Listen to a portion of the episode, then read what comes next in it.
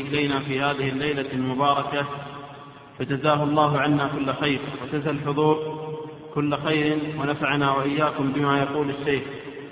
ومحاضرتنا هذه الليلة هي عن فضائل الصيام والقيام.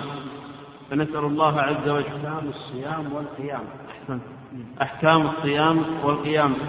فنسأل الله لفضيلة الشيخ التوفيق والسداد ولنا الاتباع والقبول والله أعلم. فليتفضل الشيخ مشكورا.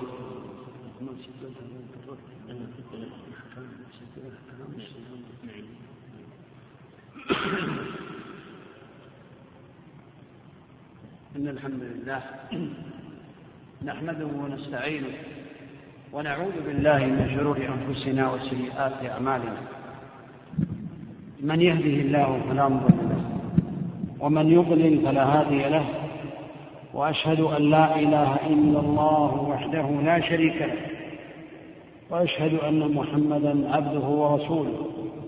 صلى الله عليه وعلى آله وأصحابه وسلم تسليما كثيرا. أما بعد أيها الإخوة لا شك أن من فضل الله تعالى على عباده أن جعل لهم مواسم مواسم الخيرات التي تضاعف فيها الحسنات وتقال فيها العثرات وترفع فيها الدرجات. ومن هذه المواسم شهر رمضان الذي أنزل الله تعالى فيه القرآن هدى للناس وبينات من الهدى والفرقان. وهذا الشهر له فضائل الحقيقة وله أحكام وله أداب ينبغي للمسلم أن يعتني بهذه الآداب ويفهم هذه الفضائل ويفهم هذه الأحكام وهذه المحاضرة في هذه الليلة إن شاء الله تعالى. سأذكر بعض النقاط سواء كان من الفضائل أو من الأحكام والآداب حتى يكون المسلم على بينة من أمره. الصيام في الحقيقة في اللغة كما ذكر العلماء هو الإمساك. الإمساك لغة وشرعا هو الإمساك بنية أي بنية التعبد لله تعالى. من شخص مخصوص في وقت مخصوص عن أشياء مخصوصة بشروط مخصوصة. فالشخص المخصوص هو الذي يقبل منه الصيام سواء كان صغيرا مميزا أو غير ذلك. والوقت المخصوص من طلوع رمضان وهذا الوقت الإمساك يكون من طلوع الفجر إلى غروب الشمس. في زمن مخصوص كذلك بشروط مخصوصة ستأتي الشروط إن شاء الله تعالى. والصيام له فضائل. من فضائله أنه تعد به المغفرة. للمسلم. قد ذكره الله تعالى من الأعمال الصالحة التي تعد بها المغفرة.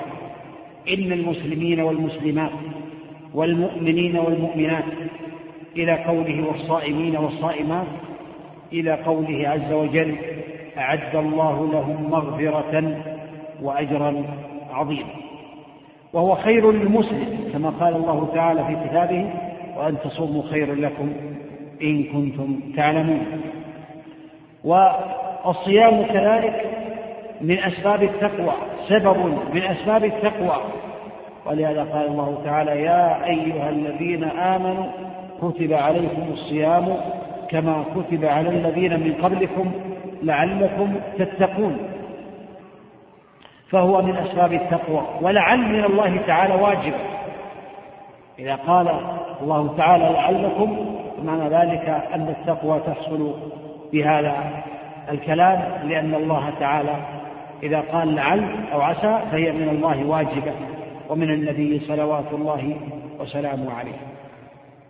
كذلك قال النبي عليه الصلاة والسلام فيما يرويه ربي عن ربه تبارك وتعالى قال الله عز وجل الصيام جنة يستجن بها العبد من النار الصيام جنة.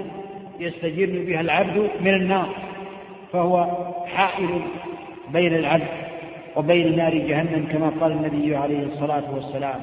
وهو حصن حصين عن النار كما بين النبي عليه الصلاة والسلام. وهو كذلك جنة أي حائل يحول بين العبد وبين الشهوات. ولهذا قال النبي عليه الصلاة والسلام في الحديث الصحيح يا معشر الشباب من استطاع منكم البعث فليتزوج فإنه أغض البصر وأحسن الفرج. ومن لم يستطع فعليه بالصوم فإنه له وجاء أو كما قال النبي صلوات الله وسلامه عليه. وصيام يوم واحد سواء كان من رمضان أو من غير رمضان من التطوع يباعد الله تعالى بين وجه صاحبه وبين النار سبعين خليفة. ولهذا قال النبي عليه الصلاة والسلام من صام يوما في سبيل الله بعد الله بين وجهه وبين النار سبعين خريفا. هذا من فضل الله تعالى. في سبيل الله ذكر العلماء أي إذا لم يكن الجهاد فيه مشقة على الناس وقيل بأن معنى في سبيل الله أي في طاعة الله تعالى. هذا قول قوي في طاعة الله. سواء كان في الجهاد أو في غيره. وهذا من فضل الله تعالى على عباده. الصيام هو وصية رسول الله عليه الصلاة والسلام. كما سواء كان تطوعا أو كان فريضة. والفريضة أعظم. ولهذا قال النبي عليه الصلاة والسلام لأبي أمامة عليك بالصيام فإنه لا عدل له. وفي بعض الروايات في رواية عليك بالصيام فإنه لا مثل له.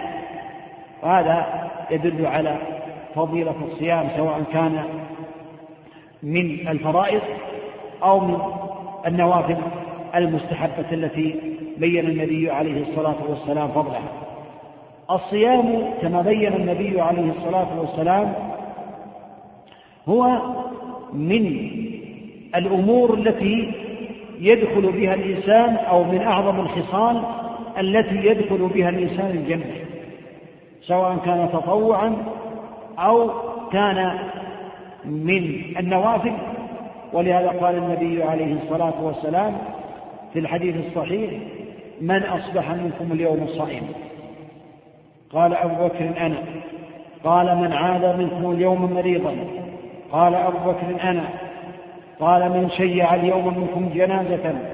قال أبو بكر أنا. قال من تصدق اليوم منكم على مسكين. قال أبو بكر أنا. قال ما اجتمعت في امرئ في يوم إلا دخل الجنة أو كما قال النبي صلوات الله وسلامه عليه. هذا يدل على أن صيام التطوع كذلك له فضيلة ويدخل فيه صيام الفرض فهو أولى. صيام رمضان وصيام غير رمضان يكون من أسباب دخول الجنة مع باب الريان. باب الريان. لهذا قال النبي عليه الصلاة والسلام في الحديث الصحيح من أنفق زوجين في سبيل الله دعي من أبواب الجنة أي يوم القيامة. يا عبد الله هذا خير. فإن كان من أهل الصيام دعي من باب الري فإن كان من أهل الصلاة دعي من باب الصلاة. وإن كان من أهل الصدقة دعي من باب الصدقة. وإن كان من أهل الجهاد دعي من باب الجهاد. وإن كان من أهل الصيام دعي من باب الريان. وباب الريان بين النبي عليه الصلاة والسلام أنه باب أنه بابا لا يدخله إلا الصائمون يوم القيامة. هذا يدل على فضيلة الصيام. وأن أهل الصيام يدخلون مع باب الريان كما قال النبي عليه الصلاة والسلام. هذا من الأمور العظيمة التي بينها رسول الله صلوات الله وسلامه عليه. كذلك الصيام يكون كفارة للذنوب كما قال النبي عليه الصلاة والسلام كفارة الرجل أو فتنة الرجل في أهل بيته تكفرها الصلاة. والصيام والصدقة في أهل بيته وولده هذا يدل على أن الصيام يكفر الله تعالى به الخطايا. الصيام خاصة صيام رمضان من الصبر والصابرون يوفون أجورهم بغير حساب. كما قال الله تعالى إنما يوفى الصابرون أجرهم بغير حساب. ولهذا الصيام فيه صبر على طاعة الله على الصيام وصبر عن محارم الله أي عن المفطرات وصبر على أقدار الله المؤلمة وهذا على الجوع والظمأ والظمأ فهذا يدل على أن الصيام يجمع أبواب الصبر وهذا يدل على فضله كما بينه النبي صلوات الله وسلامه عليه. من فضائل الصيام أن الصائم له فرحتان يفرحهما فرحة عند فطره وفرحة عند لقاء ربه. يفرح عند فطره أن الله تعالى مد في عمره حتى صام هذا اليوم ويفرح عند لقاء ربه سبحانه وتعالى بأن الله تعالى وفقه بهذا العمل الصالح الذي يجده عند الله تعالى. وكذلك حلفهم الصائم عند الله تعالى أطيب من ريح المسك كما قال النبي عليه الصلاة والسلام. هذه الرائحة الكريهة التي تخرج من المعدة حينما تكون خالية من الطعام تكون كريهة عند الناس لكنها تكون أطيب من ريح المسك عند الله تعالى لأنها ناشئة عن طاعة الله تبارك وتعالى. الصيام يشفع للعبد يوم القيامة كما قال النبي عليه الصلاة والسلام الصيام والقرآن يشفعان للعبد يوم القيامة وهذا من فضل الله تعالى على عباده. الصيام يزيل الأحقاد ويزيل الضغائن ويزيل الحسد ويزيل الغل من القلوب. لقول النبي عليه الصلاة والسلام صيام شهر الصبر وثلاثة أيام من كل شهر يذهبنا وحر الصدر وحره أي غله ووساوسه. وهذا من فضل الله تعالى على عباده. وكذلك الصيام يكون من أسباب الحصول على الغرف العالية الغرف في على الجنة التي قال فيها النبي عليه الصلاة والسلام إن أهل الجنة ليتراءون أصحاب الغرف يوم القيامة. يتراءون أصحاب الغرف كما تراءون الكوكب الدري الغابر في السماء أو كما قال النبي صلوات الله وسلامه عليه.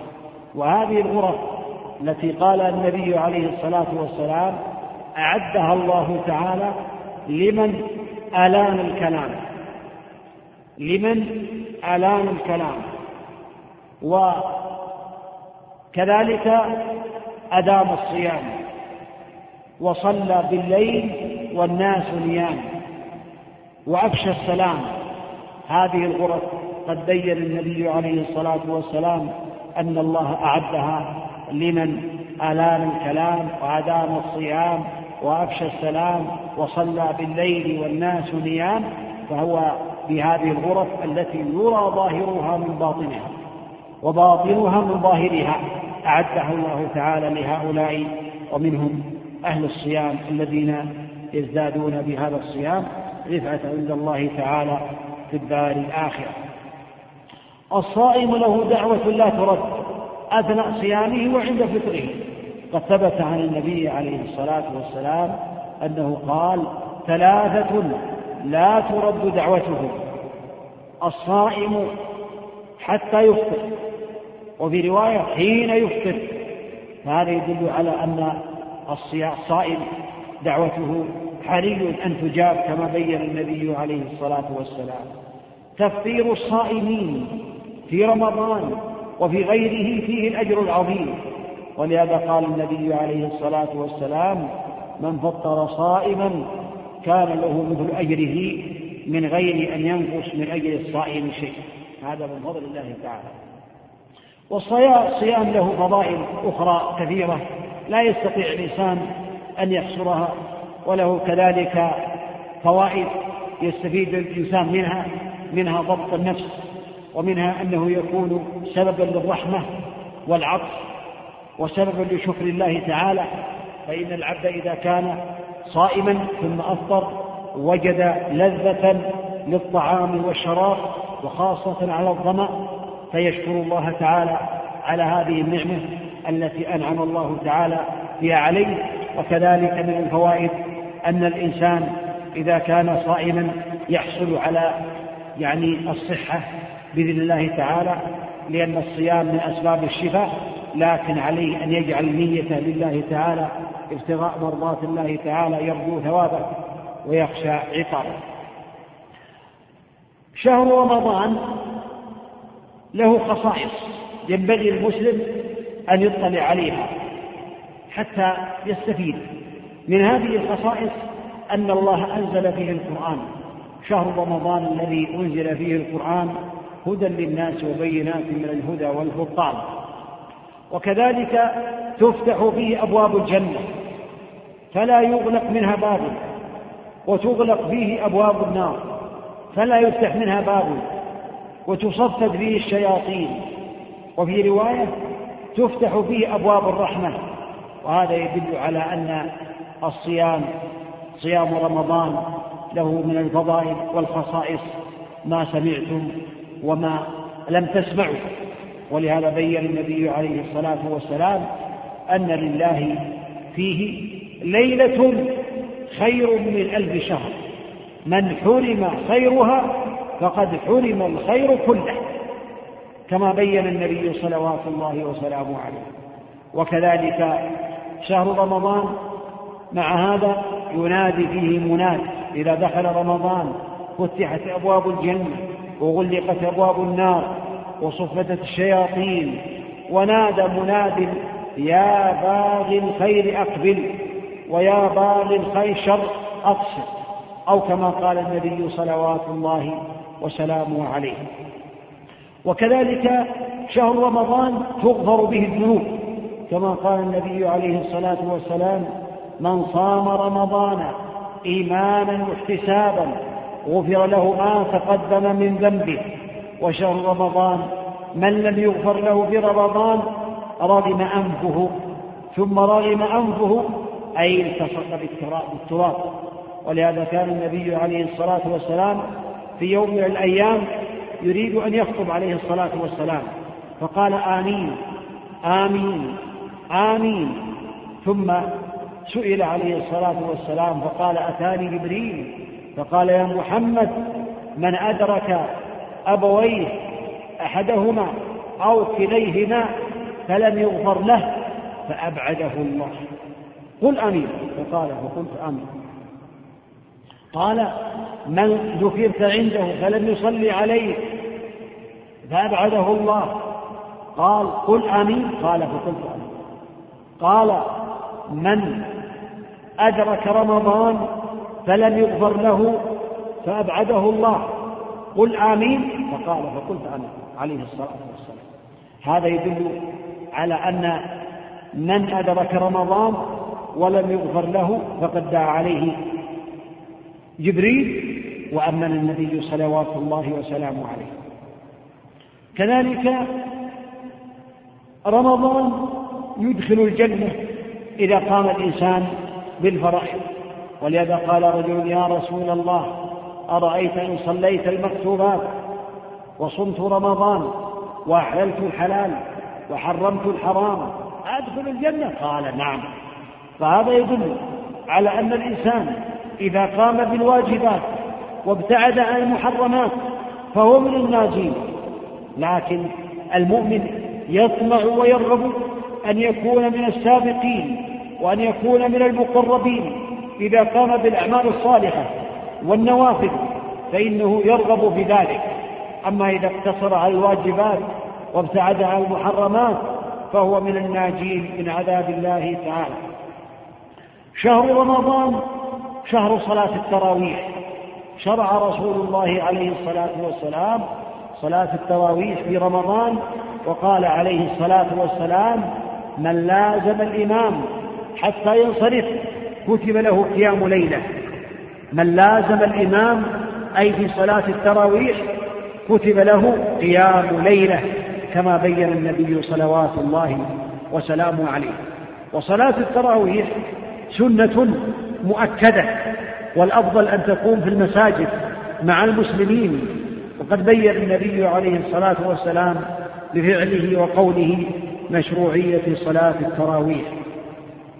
ولا شك أن رمضان من أسباب النصر على الأعداء.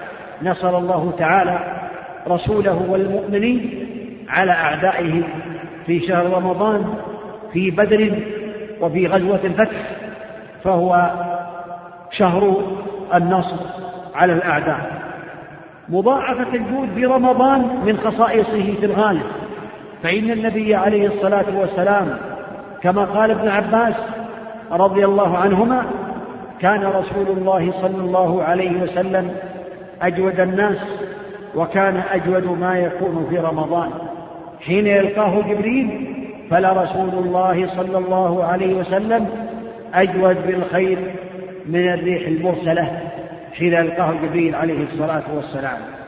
شهر رمضان شهر مدارسة القرآن فقد كان النبي عليه الصلاة والسلام يدارس جبريل القرآن في كل سنة مرة يعرضه على جبريل. وفي السنة التي مات فيها عليه الصلاة والسلام عرضه مرتين صلوات الله وسلامه عليه.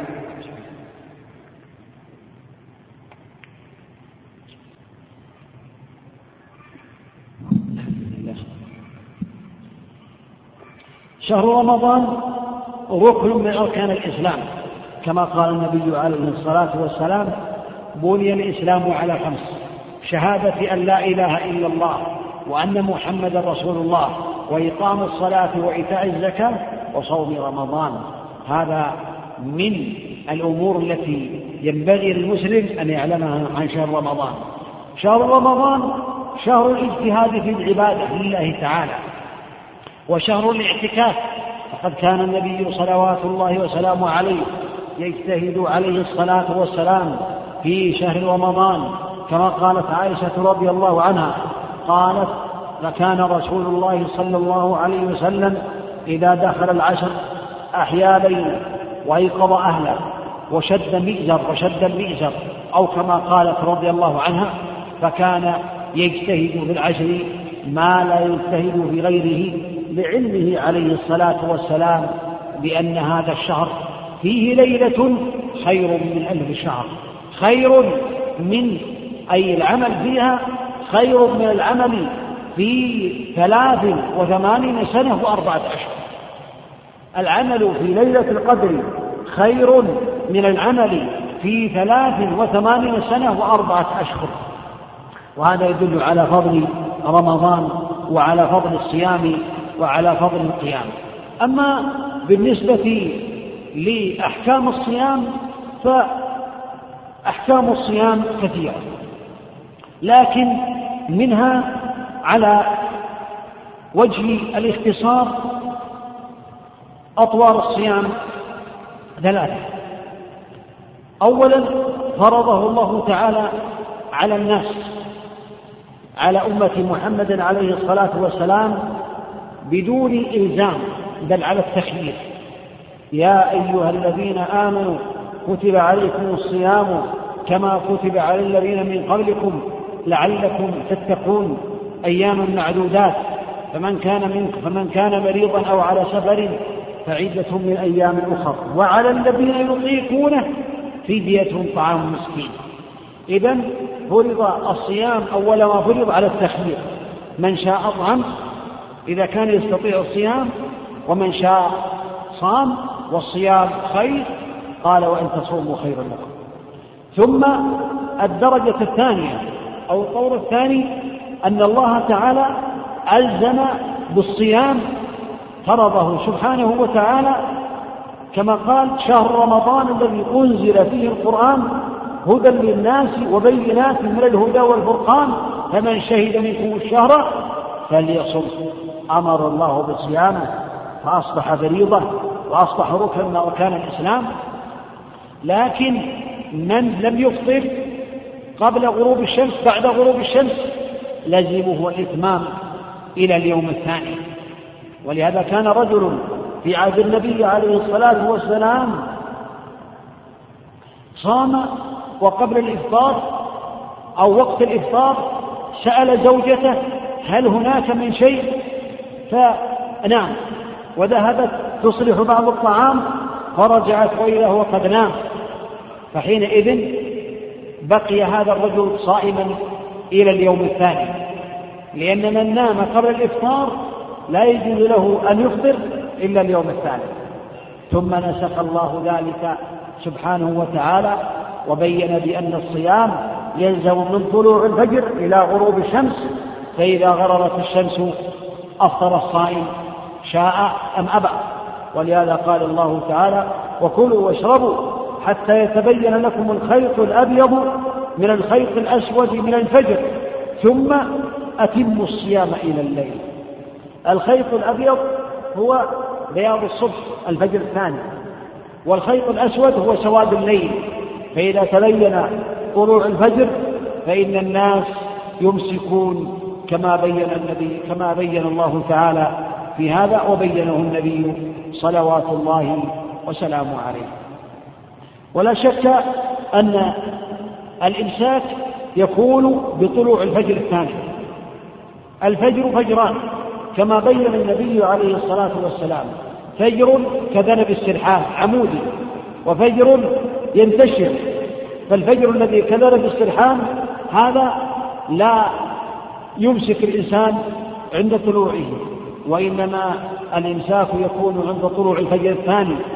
ولكن الإنسان إذا كان في المدن ولا يستطيع أن يرى الفجر الأول من الثاني فعليه أن يلتزم بما عليه أهل الإسلام من الأذان المؤذن الثقة الذي يلتزم بالوقت المحدد اعتمادا على يعني طلوع الفجر فالناس يعتمدون على المؤذن الثقة إذا أذن في الوقت مع المساعدات الأخرى كالساعات وغير ذلك والتقويم ولكن لا يعتمد إلا على طلوع الفجر. فيعتمد الإنسان إذا لم يكن في البرية على المؤذن الثقة فإذا أذن المؤذن فمعنى ذلك أنه إعلام بدخول الفجر ودخول الصلاة هذا بالنسبة للإمساك. إلى غروب الشمس كما قال النبي عليه الصلاة والسلام إذا أدبر الليل إذا أقبل الليل من ها هنا وأدبر النهار من ها هنا وغربت الشمس فقد أفطر الصائم. هذا يدل على أن الإمساء الإفطار يكون عند غروب الشمس بعد غروب الشمس تماما واليقين بغروبها. صلوات الله وسلامه على رسوله وعلى آله وأصحابه أجمعين. كذلك من أحكام الصيام لا بد بثبوت الشهر شهر رمضان ويثبت بأمرين إما بالرؤية كما قال النبي صلوات الله وسلامه عليه صوموا لرؤيته وأفطروا لرؤيته فإن غم عليكم فأكملوا عدة شعبان ثلاثين يوما. برواية فاقدروا له. فيكون الصيام بأحد أمرين إما بشهادة عدل أو أكثر بأنه قد رأى الهلال وإما بإتمام شعبان ثلاثين يوما. فهذا هو المعتمد أما الاعتماد على الحساب فلم يأمر به رسول الله صلى الله عليه وسلم ولم يأمر به يأمر به السلف الصالح.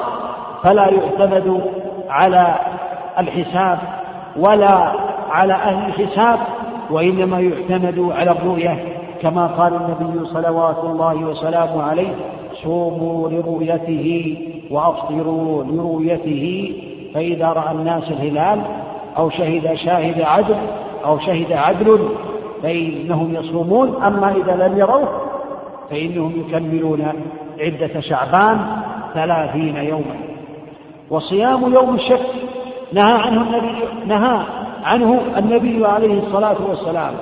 قد قال عمار من صام اليوم الذي يشك فيه فقد عصى أبا القاسم صلى الله عليه وسلم وقال لا تقدموا رمضان بيوم بصيام يوم أو يومين إلا رجل كان يصوم صوما فليصومه. فلا يجوز للإنسان أن يصوم قبل رمضان بيوم أو يومين من باب الاحتياط من باب الاحتياط. مثال ذلك غدا يوم الثلاثاء تسع وعشرين وبعدها الأربعاء ثلاثين. لا يجوز للإنسان أن يصوم غدا إن لم يكن من أيامه التي يصوم. إما أن يكون يصوم شعبان كاملا. فإنه قد ثبت عن النبي عليه الصلاة والسلام أنه صام شعبان كاملا. قالت عائشة رضي الله عنه كان رسول الله ما كان رسول الله صلى الله عليه وسلم أو ما رأيت رسول الله صلى الله عليه وسلم صام شهرا كاملا غير رمضان. ولا رأيت أكثر صياما منه من شعبان. كان يصومه إلا قليلا كان يصومه كله. فقد ثبتت الأحاديث أنه كان يصوم شعبان وربما صامه كله وربما صام شهرين متتابعين شعبان ورمضان. فإذا كان الإنسان من أهل صيام شعبان أو من أهل صيام يوم وإفطار يوم فلا بأس أن يصوم غدا. إذا كان يصوم يوما ويفطر يوما فوافق صيامه غدا اليوم الذي يصوم فيه لا بأس. أما كونه يتعمد هذا الصيام فهو قد نهى عنه النبي عليه الصلاة والسلام فلا يجوز له إلا أن يكون له عادة يصومها كما بين النبي صلوات الله وسلامه عليه. والصيام لا يجب إلا بشروط. يجب الصيام على كل مسلم. عاقل بالغ قادر مقيم خال من الموانع. فالعاقل ضد المجنون. المجنون لا يجب عليه الصيام. عاقل بالغ. البالغ يجب عليه الصيام. والبلوغ يكون بأمور منها الاحتلام أو إنزال المني. الإنزال أو إنبات الشعر الخشن حول القبل أو بلوغ خمسة عشر عاما. هذا بلغ. تزيد المرأة شيئا رابعا وهو الحيض. فإذا حصل شيء من هذه الأمور فإن الإنسان يكون قد بلغ ويجب عليه صيام رمضان. لكن يستحب لوالد الأطفال ولوالد الأولاد أن يأمرهم لأن الصحابة رضي الله عنهم كانوا يصومون أولادهم ويعطونهم اللعب من العهن في المسجد يلهونهم بها ويعللوا لهم بها حتى يأتي وقت الصيام حتى يأتي وقت الإفطار. فمن السنة والأفضل أن يدرب أولاده على الصيام يعلمهم حتى يستعدوا لصيام الفريضة إذا بلغوا وحتى يكتب لهم هذا الصيام في موازين حسناتهم عند الله تعالى. ينبغي للأب أن يعود أولاده على هذا. وكذلك القادر. غير القادر لا يلزمه الصيام. إما أن يكون عاجزا عجزا مستمرا ككبير السن الهرم الذي لا يستطيع أن يصوم فهذا يطعم عن كل يوم مسكينا. أو يكون مريضا. مرضا لا يرجى برؤه مطلقا مرضا مستمرا لا يستطيع أن يصوم معه. وهذا المرض قال الأطباء بأنه يستمر معه إلى الموت. فهذا كذلك يطعم عن كل يوم مسكينا لا يكلف الله نفسا إلا وسعها. كذلك المريض الذي يرجى برؤه أي يرجى شفاؤه يقال بأنه يشفى مرض طارئ فهذا المرض لا يفطر به الإنسان إلا إذا خاف على نفسه خاف على نفسه المشقة يشق عليه أو يضره. فإذا كان المرض يشق عليه فإنه يفطر يجب عليه الإفطار وإذا كان المرض يضره فإنه يفطر كذلك. أما إذا كان المرض لا يشق عليه ولا يضره فإنه لا يجوز له الإفطار كأن يكون عند الزكام أو عنده بعض الصداع أو بعض الألم لو هذا الألم لا يشق عليه ولا يضره فلا يجوز له أن يفطر وهذا المريض الذي آه، يرجى ضره يفطر أياما ثم يقضي بعد رمضان ولهذا قال النبي صلى الله قال الله تعالى فمن كان منكم مريضا أو على سفر فعدة من أيام أخر. وهذا من فضل الله تعالى. الإقامة. المسافر لا يجب عليه الصيام أداء. لا يجب عليه الصيام أداء وإنما يجب عليه قضاء. فالمسافر لو أفطر فقد رخص رسول رخص الله تعالى له فمن كان منكم مريضا أو على سفر ورخص له النبي عليه الصلاة والسلام. وهل الأفضل الإفطار في السفر أو الصيام؟ خلاف بين أهل العلم. ولهذا كان الصحابة رضي الله عنهم منهم الصائم ومنهم المفطر في السفر. فلم يعيب الصائم على المفطر ولا المفطر على الصائم. ولكن إذا كان الصيام يشق عليه أو يضره فإنه يجب عليه أن يأخذ برخصة الله تعالى. أما إذا لا يجب أما إذا كان الصيام لا يضره ولا يشق عليه فله كذلك أن يفطر وله أن يصوم. كما قال النبي عليه الصلاة والسلام إنما هي رخصة من الله فمن أخذ بها فحسن ومن لم يأخذ بها فلا حرج أو كما قال النبي صلوات الله وسلامه عليه. الخلو من الموانع. هذا هو الشرط السادس أن يكون وهذا خاص بالنساء. فالمرأة لا يجوز لها أن تصوم وهي حائض ولا يجوز لها أن تصوم وهي نفساء يحرم عليها ولكنها تقضي بعد ذلك. هذا هي شروط الصيام أن يكون مسلما عاقلا بالغا قادرا مقيما خال من الموانع. والصيام له ركنان كما ذكر العلماء. الركن الأول النية لقول النبي عليه الصلاة والسلام إنما الأعمال بالنيات. والنية لا يقبل الصيام إلا بنية. ينويها من أول شهر رمضان أنه يصوم رمضان ثم ينوي لكل ليلة كما قال النبي صلوات الله وسلامه عليه من لم يبيت الصيام من الليل فلا صيام له.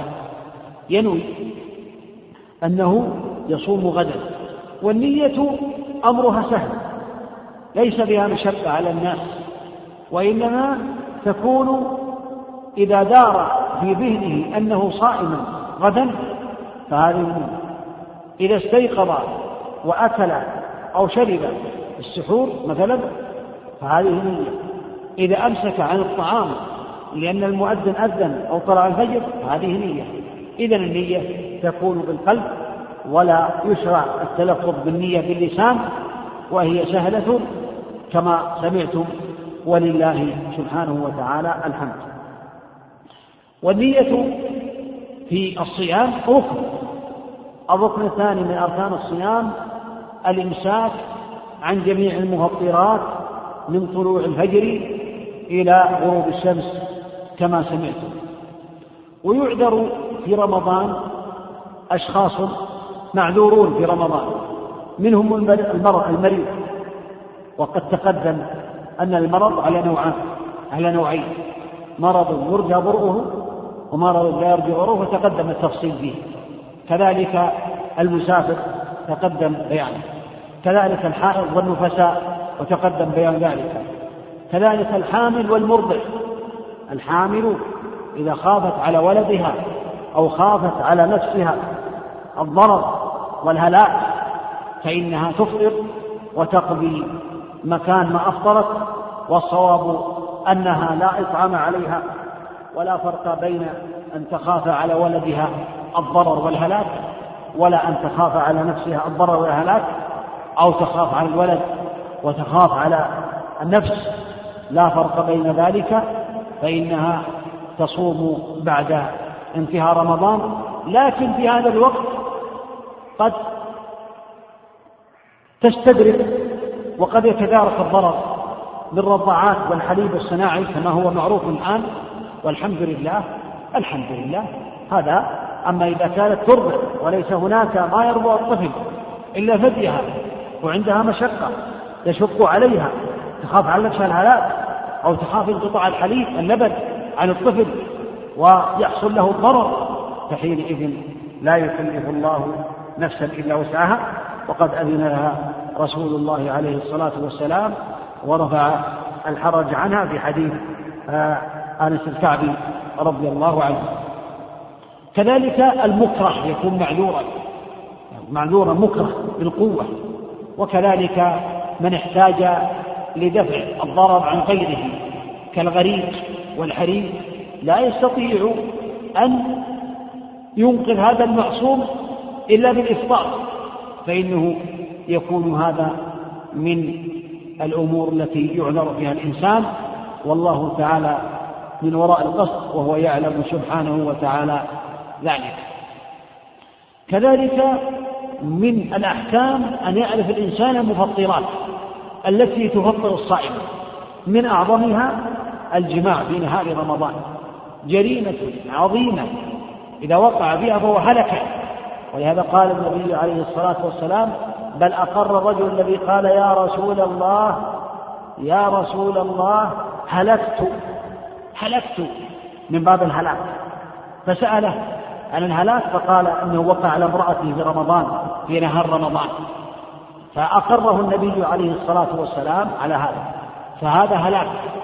فمن وقع على أهله في رمضان فقد عصى الله وقد عصى النبي عليه الصلاة والسلام وعليه التوبة وعليه الكفارة المغلظة إعتاق رقبة فإن عجز صام شهرين متتابعين. فإن عجز لمرض لا يستطيع معه الصيام فإنه يطعم ستين مسكينا وعليه أن يقضي هذا اليوم أو عدد الأيام كما جاء في الرواية وصم يوما مكانه كذلك من المفطرات إنزال المني باختياره كأن ينظر ويكرر النظر حتى ينزل ينزل أو كأن آه، يعمل العادة الخبيثة القبيحة. فإنه يفطر بذلك وعليه التوبة إلى الله تعالى وعليه أن يقضي هذا اليوم وعليه الاستغفار. كذلك من هذه الأمور الأكل والشرب فإذا أكل أو شرب متعمدا فقد أبطل صومه. وكذلك ما يكون بمعنى الأكل والشرب كالإبر المغذية التي تقوم مقام الطعام والشراب فإنها تكون من المفطرات كذلك من هذا الحجامة فمن احتجم في رمضان وهو صائم فقد أفطر. كما قال النبي عليه الصلاة والسلام أفطر الحاجم والمحجوم أفطر الحاجم قاله عليه الصلاة والسلام والمحجوم ولكن ذكر العلماء أن التحليل اليسير الذي لا يكون كالحجامة لا يفطر والعلاج اليسير الإبر التي ليست مغذية لا تفطر أما الإبر المغذية فهي تفطر أما الإبر التي يعني يتعالج بها الإنسان العلاجية لا تفطر وتحليل الدم لا يفطر. لكن ألحقوا ألحقوا بالحجام التبرع بالدم. لأن التبرع بالدم يكون كثيرا فإذا تبرع الإنسان لمسلم بدمه فإنه يكون من المفطرات لأن هذا يضعف الجسد ولا بد أن يتناول بعض المشروبات حتى يعود لكن لا يفطر بالتحليل بالتبرع لا يتبرع إلا عند الضرورة. إذا احتاج المسلم المعصوم أو احتاج المعصوم إلى إنقاذه وإنقاذ روحه من الهلاك بالتبرع أما إذا كان يمكن تأخيره إلى الليل فهو الواجب.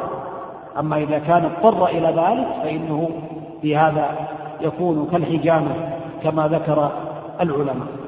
كذلك من المفطرات الاستقاء كما قال النبي عليه الصلاة والسلام من ذرأه الخيل فلا قضى عليه ومن استقى فعليه القضاء. استقى أي أدخل يده في فمه حتى يخرج ما في بطنه ما في بطنه فإنه يكون قد أفطر بذلك أو شم شيئا أو عصر بطنه حتى يخرج ما فيه متعمدا فإنه يكون قد أفطر بذلك. أما من درعه القيد فلا قضاء عليه والحمد لله. كذلك من المفطرات النية. إذا نوى الإنسان الإفطار أفطر مثال ذلك. لو كان الإنسان بسفر مسافر ثم قال أنا أفطر هذا اليوم الحمد لله أنا مسافر أنا أفطر إن شاء الله تعالى. فأراد أن ينظر إلى الماء فلم يجد ماء أو بحث عن الطعام فلم يجد طعاما. فإنه بهذا قد أفطر لأنه نوى. إنما الأعمال بالنيات قطع نيته بنية الإفطار. كذلك الردة أعاذنا الله وإياكم منها. إذا تكلم بكلام أو غير ذلك يخرجه من الإسلام من نواقض الإسلام فإنه يكون بهذا قد أبطل صيامه والعياذ بالله تعالى. كذلك ينبغي للمسلم أن يعرف ويعلم بأن هناك محرمات في الصيام. من هذه المحرمات أن يتناول شيئا من المفطرات ومن هذه المحرمات الكذب والزور قول الزور والغيبة والنميمة والبهتان وغير ذلك. ولهذا قال النبي صلوات الله وسلامه عليه في الحديث الصحيح من لم يدع قول الزور والعمل به والجهل فليس لله حاجة في أن يدع طعامه وشرابه. فبعض الناس ربما يصوم عن الطعام والشراب ولكن يفطر على المحرمات الغيبة والنميمة وقول الزور والبهتان وظلم الناس. فهذا ينبغي للمسلم أن يبتعد عن هذه الأمور وأن يجعل صيامه لله تعالى ويبتعد عن جميع المحرمات. هناك آداب للصيام ينبغي المسلم أن يلتزمها منها تعجيل السحور تأخير السحور. وكذلك السحور. فإن النبي عليه الصلاة والسلام قال تسحروا فإن في السحور بركة. كذلك من هذه البركة بركة السحور أولا أنه يتقوى على طاعة الله تعالى وثانيا أن هذا السحور يعينه على أن يصلي مع الجماعة وثالثا أن هذا السحور يعينه يعينه على أن يستيقظ في الفجر في السحر في وقت الإجابة وثالثا رابعا أو خامسا أن هذا السحور يكون فيه مخالفة لأهل الكتاب. فإذا تسحر فالسحور فيه بركة كما قال النبي صلوات الله وسلامه عليه. وتعجيل الإفطار من السنة.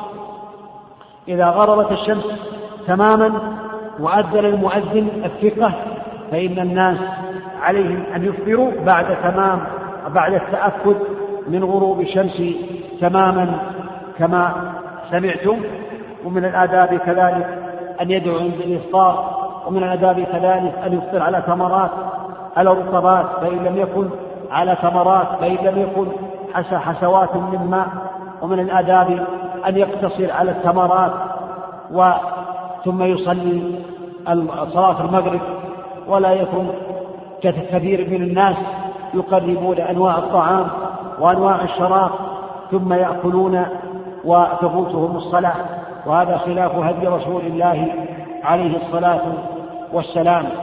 كذلك من آداب الصيام كثرة الذكر وكثرة قراءة القرآن وكثرة الصدقات وهذا من الآداب العظيمة من آداب الصيام استحضار نعمة الله تعالى على العبد.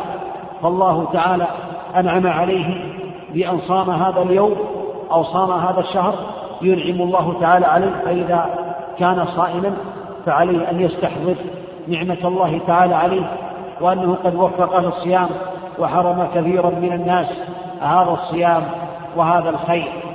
كذلك صلاة التراويح ينبغي للعبد أن يحافظ عليها مع الجماعة.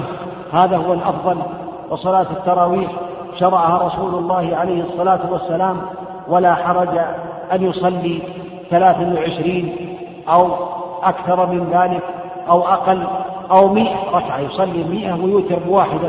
لا حرج في ذلك لقول النبي عليه الصلاة والسلام صلاة الليل مثنى مثنى فإذا خشي أحدكم الصبح صلى واحدة توتر له ما قد صلى. لكن الأفضل الاقتصار على إحدى عشرة ركعة لقول عائشة رضي الله عنها ما كان رسول الله صلى الله عليه وسلم يزيد في رمضان ولا في غيره على إحدى عشرة ركعة. لكن هذا من فعله. لكن قوله قوله عليه الصلاة والسلام صلاة الليل مثنى مثنى. فلا يعب من صلى إحدى عشرة ركعة على من صلى أكثر من ذلك. ولا يعب من صلى أكثر من ذلك على من صلى إحدى عشرة ركعة. فالأمر واسع والحمد لله تعالى وأسأل الله الذي لا إله إلا هو بأسمائه الحسنى وصفات العلى أن يجعلني وإياكم ممن يدركون رمضان ويتقبل الله تعالى منهم رمضان وأن يوفقنا وإياكم لصيامه وقيامه وجميع المسلمين إنه على كل شيء قدير وللإجابة جدير. أما بقية الوقت فيكون مع الأسئلة إن شاء الله تعالى. نعم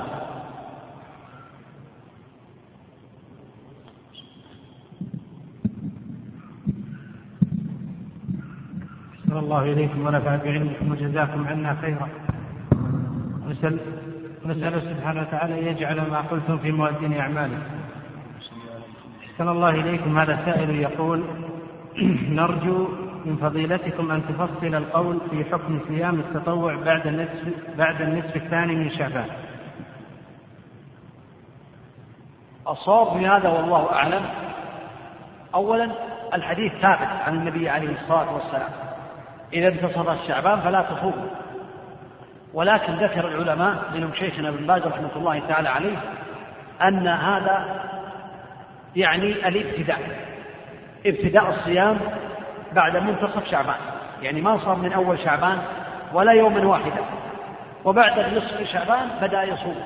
فهذا منهي عنه ومكروه. أما من صام من أول شعبان ولو يوما واحدا أو يومين فلا حرج أن يصوم بعد النصف لكنه لا يصوم يوم الشك الذي قال فيه النبي عليه الصلاة والسلام الذي قال فيه عمار من صام اليوم الذي يشك فيه فقد عصى أبا القاسم ولا يصوم يوما أو يومين لا تقدموا رمضان بيوم أو يومين إلا أن يكون صوم صوما لأحدكم فليصومه. كان يصوم يوم الاثنين ويوم الخميس ويصادف هذا أو يصوم يوما ويفطر يوما. والخلاصة أن التقصير في الصوم. لمن لم يصم من أوله يكون مكروها. نعم. أحسن الله إليكم. يقول يا فضيلة الشيخ أفطرت أفطرت في رمضان الماضي يوم أو أكثر منه. فما يجب علي في الذي لم أذكر وأنا شاك فيه؟ إذا كان فطرك إذا كنت مسافرا أو كنت مريضا فإن الصيام لا بأس بإفطارك لكنك أخطأت لأنك لم تصم هذا اليوم وبإمكانك إن شاء الله أن تصوم هذا اليوم غدا. تصوم غدا قبل رمضان. وإن كان عندك شك في يومين أو يوم وانظر إلى غلبة ظنك. إن كان ظنك غلبة الظن بأنها يومين فتصوم يوما آخر بعد يوم الأربعاء إن لم يكن رمضان أو تصوم بعد رمضان لأن المنهي عنه قبل رمضان هو أن يصوم احتياطا لرمضان. أما من كان يقضي الصيام فلا حرج أن يصوم قبل رمضان. نعم. أحسن الله إليكم. يقول الحامل إذا خافت على ولدها هل تفطر في رمضان وتطعم عن كل يوم مسكينا ولا تقضي؟ كما قال كما قاله ابن عباس وابن عمر رضي الله عنهما وصرحا بذلك أم لا بد من القضاء؟ قول من قال بأنها لا تقضي قول ضعيف قول ساقط قول لا يعتمد عليه. والصواب في ذلك أن عليها القضاء والصواب في ذلك أنها كذلك ليس عليها إطعام. لأن من العلم فرق بين من خافت على ولدها ومن خافت على نفسها. والصواب أنها كالمريض. إذا خافت الضرر على نفسها أو على ولدها أفطرت وعليها القضاء فقط. نعم. ولا يجوز أن يؤخذ بالقول الثاني الذي يقول لا يجوز يعني أن يطعم ولا يقضي. كقول ساقط يعني مهجور هجره أهل العلم. نعم. أحسن الله إليكم. يقول هل يؤخذ من قوله صلى الله عليه وسلم أطيب عند الله من ريح المسك أطيب عند الله من ريح المسك هل يؤخذ من هذا صفة لله سبحانه وتعالى؟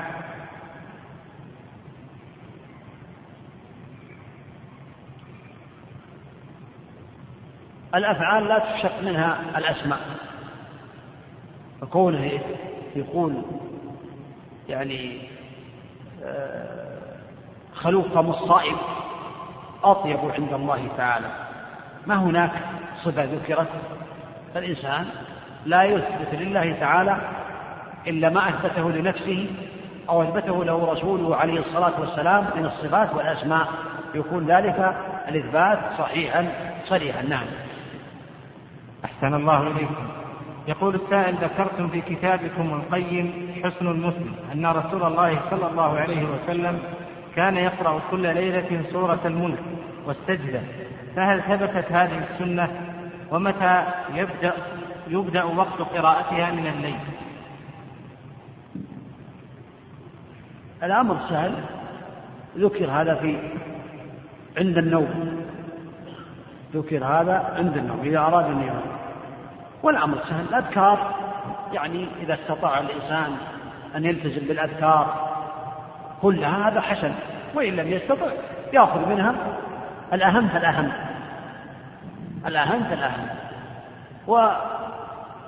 وحديث سورة الملك وسورة السجدة الألباني قال بأنه حديث ثابت وأنا ذكرته كذلك في حاشية الكتاب. نعم. أحسن الله إليكم. هذا سؤال أتانا عن طريق الإنترنت من دولة الإمارات. يقول أريد أن أقرأ القرآن كاملا في رمضان دون أن أتقيد بترتيب السور في المصحف فهل هذا جائز وهل تعتبر ختمة؟ الأفضل لك أن تقرأ القرآن مرتبا ما دام أنك تقرأ لماذا تقرأ مقطعا؟ إيش السبب؟ ما السبب؟ ابدأ من أول القرآن لكن لو كنت تحفظ بعض السور يعني هذا يقال بأنك تحفظ بعض السور أو بعض الأجزاء وتقرأها بطريقك أو في عملك. وإذا رجعت إلى يعني كنت جالسا قرأت من الأجزاء الأخرى لا حرج. أما كونك تقرأ من هنا ومن هنا ومن هنا وأنت يعني بدون فائدة بدون يعني حاجز فالأفضل أن تبدأ من أول القرآن وتختم كما ذكر العلماء رحمهم الله تعالى. نعم. أحسن الله إليكم وهذا سائل يقول ما الأفضل في رمضان الحفظ أم التلاوة؟ اجمع بينهما. اجمع بين الحفظ وبين التلاوة. كان سماحة شيخنا رحمه الله تعالى ما سئل عن شيء في خير إلا وقال اجمع بينهما. تحفظ واتلو نعم. صلى الله إليكم يقول هل يجوز صوم رمضان كله بنية واحدة لجميع الشهر من أول ليلة؟ ذكر بعض العلماء بأنه يعني لو نوى في أول ليلة من رمضان أنه يصوم الشهر فإنه يجيه ذلك. لكن الحديث ثابت أن النبي عليه الصلاة والسلام من لم يبيت النية من الليل فلا صيام له. فينبغي للمسلم أن يجمع بين النيتين. ينوي في أول رمضان أنه يصوم الشهر وينوي كل يوم قبل طلوع الفجر والحمد لله. حتى لو بعد الإفطار لو بعد الإفطار من هذا اليوم دار في ذهنك أنك غدا صائما من أيام رمضان كفى الحمد لله ليس من شرط قبل الفجر. يمكن بعد الإفطار بعد دخول الليل في وسط الليل يدور في ذهنك بأنك صائم أو أمسكت أو تسحرت استيقظت من النوم للسحور. هذا نية والحمد لله النية ليست بشيء شاق إنما هي سهلة والحمد لله نعم.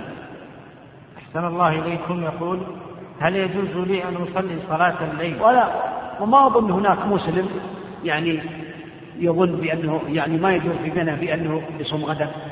هذا الصيام يعني كل يوم وهو يعني عنده نية مستمرة. نعم. أحسن الله. لكن هذا يعني يستفاد منه في السفر والمريض. فإن المرض المريض مثلا إذا شفي بريء ولم يخطر بباله أن يصوم غدا ولم يتسحر هذا لا يعتبر بأنه صام لأنه ما نوى. أو المسافر في السفر كان مسافرا وكان يفطر في السفر ولم يخطر على باله أن يصوم ولكن حينما أصبح صام. لا ما نهو من الليل. أما الإنسان غير المسافر غير ذلك فالنية ملازمة له لأن ما هناك مسلم يقول أنا لا أصوم غدا وإنما النية مستمرة. لكن ذكر النبي قال النبي عليه الصلاة والسلام من لم يبيت الصيام من الليل فلا صيام له. نعم.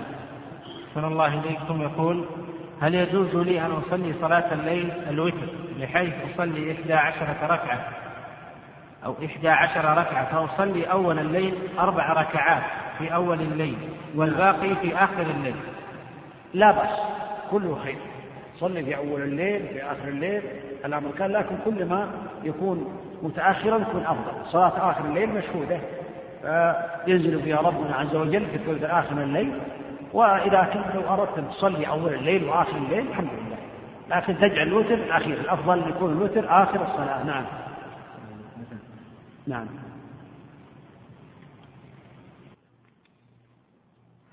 صلى الله إليكم ونفع بعلمكم. وهذا سائل يقول إذا صليت الوتر في أول الليل وأردت أن أوتر في آخر الليل فهل يجوز ذلك؟ لا يجوز ذلك لأن النبي عليه الصلاة والسلام قال لا وتران في ليلة فلا يوتر مرتين ولا ينقض الوتر. بعض الناس يقول تنقض الوتر. جاء عن بعض الصحابة رضي الله عنهم كابن عمر وغيره ولكن هذا لا دليل عليه. فإنه إذا أوتر آخر أول الليل لا يوتر آخر وإنما يصلي بدون وتر. والأفضل أن يؤخر الوتر إلى آخر الليل. نعم. أحسن الله إليكم. هذا سائل يقول فضيلة الشيخ ما هو معنى من قام رمضان إيمانا واحتسابا غفر له ما تقدم من ذنبه؟ المعنى والله أعلم أن من قام رمضان إيمانا بما أخبر النبي عليه الصلاة والسلام تصديقا بيقين لأن النبي عليه الصلاة والسلام قد صدق فيما يقول وأن هذا يحصل له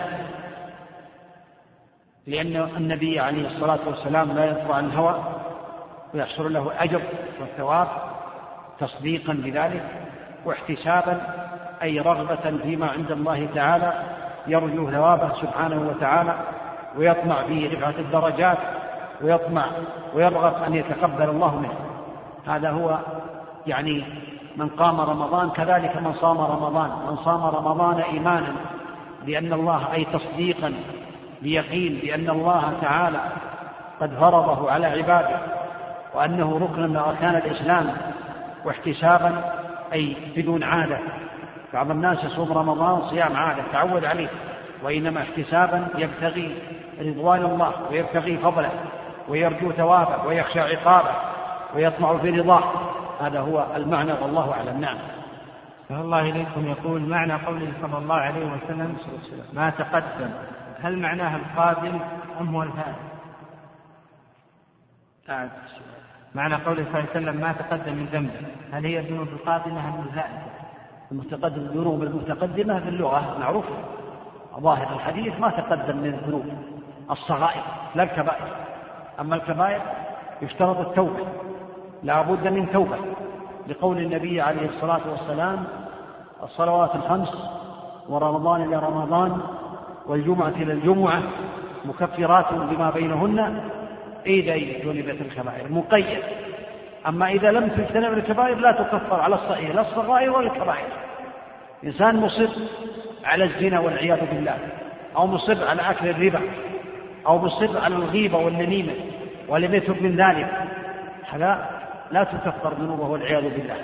فالمسلم عليه أن يتقي الله تعالى ويتوب توبة نصوحا عن جميع الذنوب حتى تكفر السيئات الصغائر والكبائر. نعم. صلى الله إليكم. وهذا سائل يقول ما حكم تتبع المساجد في شهر رمضان لأجل القراءة الحسنة والهدوء والطمأنينة؟ تتبع المساجد الذي قد علمته وقد رأيته وقد بلغني أن كثيرا أن بعض الناس تفوتها الفريضة من أجل أن يصلي صلاة التراويح. فيكون المكان بعيدا فيذهب ليصلي مع فلان من الناس. ويتأخر عن الفريضة ويكون يقضي مع الناس ويكون ذلك ذلك دأبه كل ليلة. هذا ذنب والعياذ ذنب عظيم. تفوت الفريضة من أجل أن يحصل يحضر إلى النافلة. فالذي أراه والله أعلم أن الإنسان إذا كان يتتبع المساجد من أجل الأصوات يعني يجد الصوت له لذة عنده ولا يعرف المعنى. هذا ما استفاد يتتبع الأصوات من أجل من أجل الصوت من أجل النغمات. أما إذا كان الإنسان يصلي في مسجد من المساجد الإمام قراءته جميلة والنبي عليه الصلاة والسلام قال حسنوا القرآن بأصواتكم. قال عليه الصلاة والسلام من لم يتغنى بالقرآن فليس منا. فيجد يعني خشوعا ويجد يعني تدبرا لكتاب الله تعالى ويجد رغبة فيما عند الله تعالى. بشرط أن يكون من أهل الصف الأول أو على الأقل لا تفوت تكبيرة الإحرام مطلقا. هذا لا بأس. إذا كان نيته لهذا من أجل الخشوع ولا يفوت تفوت الفريضة لكن كثير من الناس الذين يتتبعون المساجد تفوتهم صلاة الفريضة. وبشرط آخر ألا يضر هذا بالمسجد المجاور لبيته. ولا يحصل فتنة فإن كثير بعض الناس ربما يكون معروفا عند الإمام ومعروفا عند المؤذن ومعروفا عند جيران المسجد يتأخر يذهب إلى مساجد أخرى الذي أراه أن هذا لا ينبغي له لأنه يسبب شحناء ويسبب نفور من الإمام. أما إذا كان غير معروف لا يعرف بين الناس. إن حضر في المسجد لم يعرف وإن ذهب لا يعرف. ها؟ أو إذا ذهب لا يعرفه الناس في المسجد هذا لا حرج. أما إذا كان يحصل حزازات ويحصل بغضاء بينه وبين الجماعة وبينه وبين الإمام أو غير ذلك فيلازم مسجده ويحصل على الثواب إن شاء الله تعالى. نعم. أحسن الله إليكم. وهذا سائل يقول ما هي نصيحتكم لمن ينام طول نهار رمضان بعد أداء كل صلاة في وقتها؟ ما دام إنه يصلي الصلاة في وقتها فالحمد لله هذا خير. لكن كونه ينام هذا النوم الطويل يدل على أنه يسهر سهرا طويلا في الليل. هذا لا يبشر بخير. لا يبشر بخير لمن سهر في الليل كثيرا ونام في النهار كثيرا لأن المسلم ينظم أوقاته يغتنم هذا الشهر فلعله لا شهر له غيره. عليه أن يتقي الله تعالى ويحافظ على الأوقات الصلوات والنوم لا حرج فيه لكن لا يحرمه الخير. يسهر الليل على القيل والقال وكثرة السؤال وغير ذوي إضاعة المال وينام النهار. كثير من الناس الآن يسهرون الليل وينامون النهار. هذا لا ينبغي ليس من هدي السلف الصالح. هدي السلف الصالح أن يغتنموا الليل بالصلاة ويتقووا على ذلك بالنوم كذلك يتقوى على العمل في النهار بالنوم في الليل حتى يكون المسلم نشيطا قويا ذاكرا قارئا لكتاب الله تعالى لا يكون نائما ساهرا عن القيل والقال. وكثرة السؤال. نعم. سلام الله إليكم يقول هل بلع اللعاب يفطر أم لا؟ وما حكم قطرات الأنف والأذن؟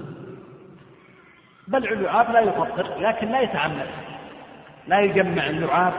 ويبتلعه يجعل الأمر عادي كأنه مفطر ما يتعب ما ينظر إليه ولا يفكر به أما بالنسبة لقطرة العين فالأفضل عدمها الأفضل أن لا يقطر في عينه ما؟ العين لا يقطر في أذنه ولا في عينه الأفضل له. وإن فعل إن قطر في العين قطر في الأذن لا حرج. لكن الأحوط له ألا يقطر لا في أذنه ولا في عينه. الأحوط الأحوط أما الأنف فالأنف من المداخل التي يتغذى منها. فإنه يفطر. إذا قطر مع أنفه فإن القطر مع الأنف على الصحيح تفطر لأنها من المنافذ إلى الجوف. ولهذا يغذى الإنسان في بعض المستشفيات يدخل الطعام مع أنفه. دل ذلك حسا على أن الأنف وبل دل الحديث حديث النبي عليه الصلاة والسلام بالغ في الاستنشاق إلا أن تكون صائما. فدل على أن الأنف من المنافذ التي يفطر بها الإنسان. نعم. أحسن الله إليكم. يقول حديث أبو بكر رضي الله عنه قال قال رسول الله صلى الله عليه وسلم من أصبح اليوم منكم صائما الحديث. هل يترتب الأجر على ترتيب الحديث أم لو قدم عمل, عمل على عمل يحصل له الأجر. لا حرج لا حرج. يقدم يعني قد لا حرج. في التقديم والتأخير. كونه يزور المريض قبل يعني الصلاة على الجنازة أو تشييع الجنازة أو يتصدق على المسكين قبل تشييع الجنازة لا حرج. لا حرج. الحمد لله. نعم. يقول وهل اليوم يشمل النهار والليل أم النهار فقط؟ اليوم يشمل يعني اليوم الصيام الصيام لا يصاب بالليل. الصيام من طلوع الفجر إلى غروب الشمس سواء كان فريضة أو نفلة. نعم. أحسن الله إليكم يقول. وقد يحصل. يعني لأنه قال من أصبح اليوم منكم صائما. من أصبح منكم اليوم صائما. نعم. أحسن الله إليكم يقول. أبي مصاب بالربو ويشرب بخاخ الربو. وهل بخاخ الربو يفطر؟ بخاخ الربو لا تقول يشرب. تقول يستخدم بخاخ الربو. إذا كان شرب كان فيه شيء يشرب لا.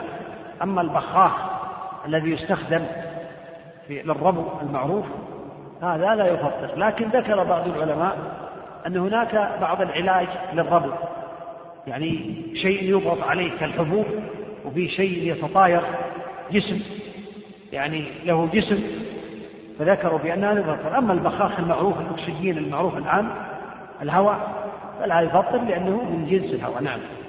الله إليكم يقول المصاب بالصرع في نهار رمضان ولا يذهب عنه الصرع إلا إذا أكل حبوب معينة فهل يفطر بذلك وهل يقضي؟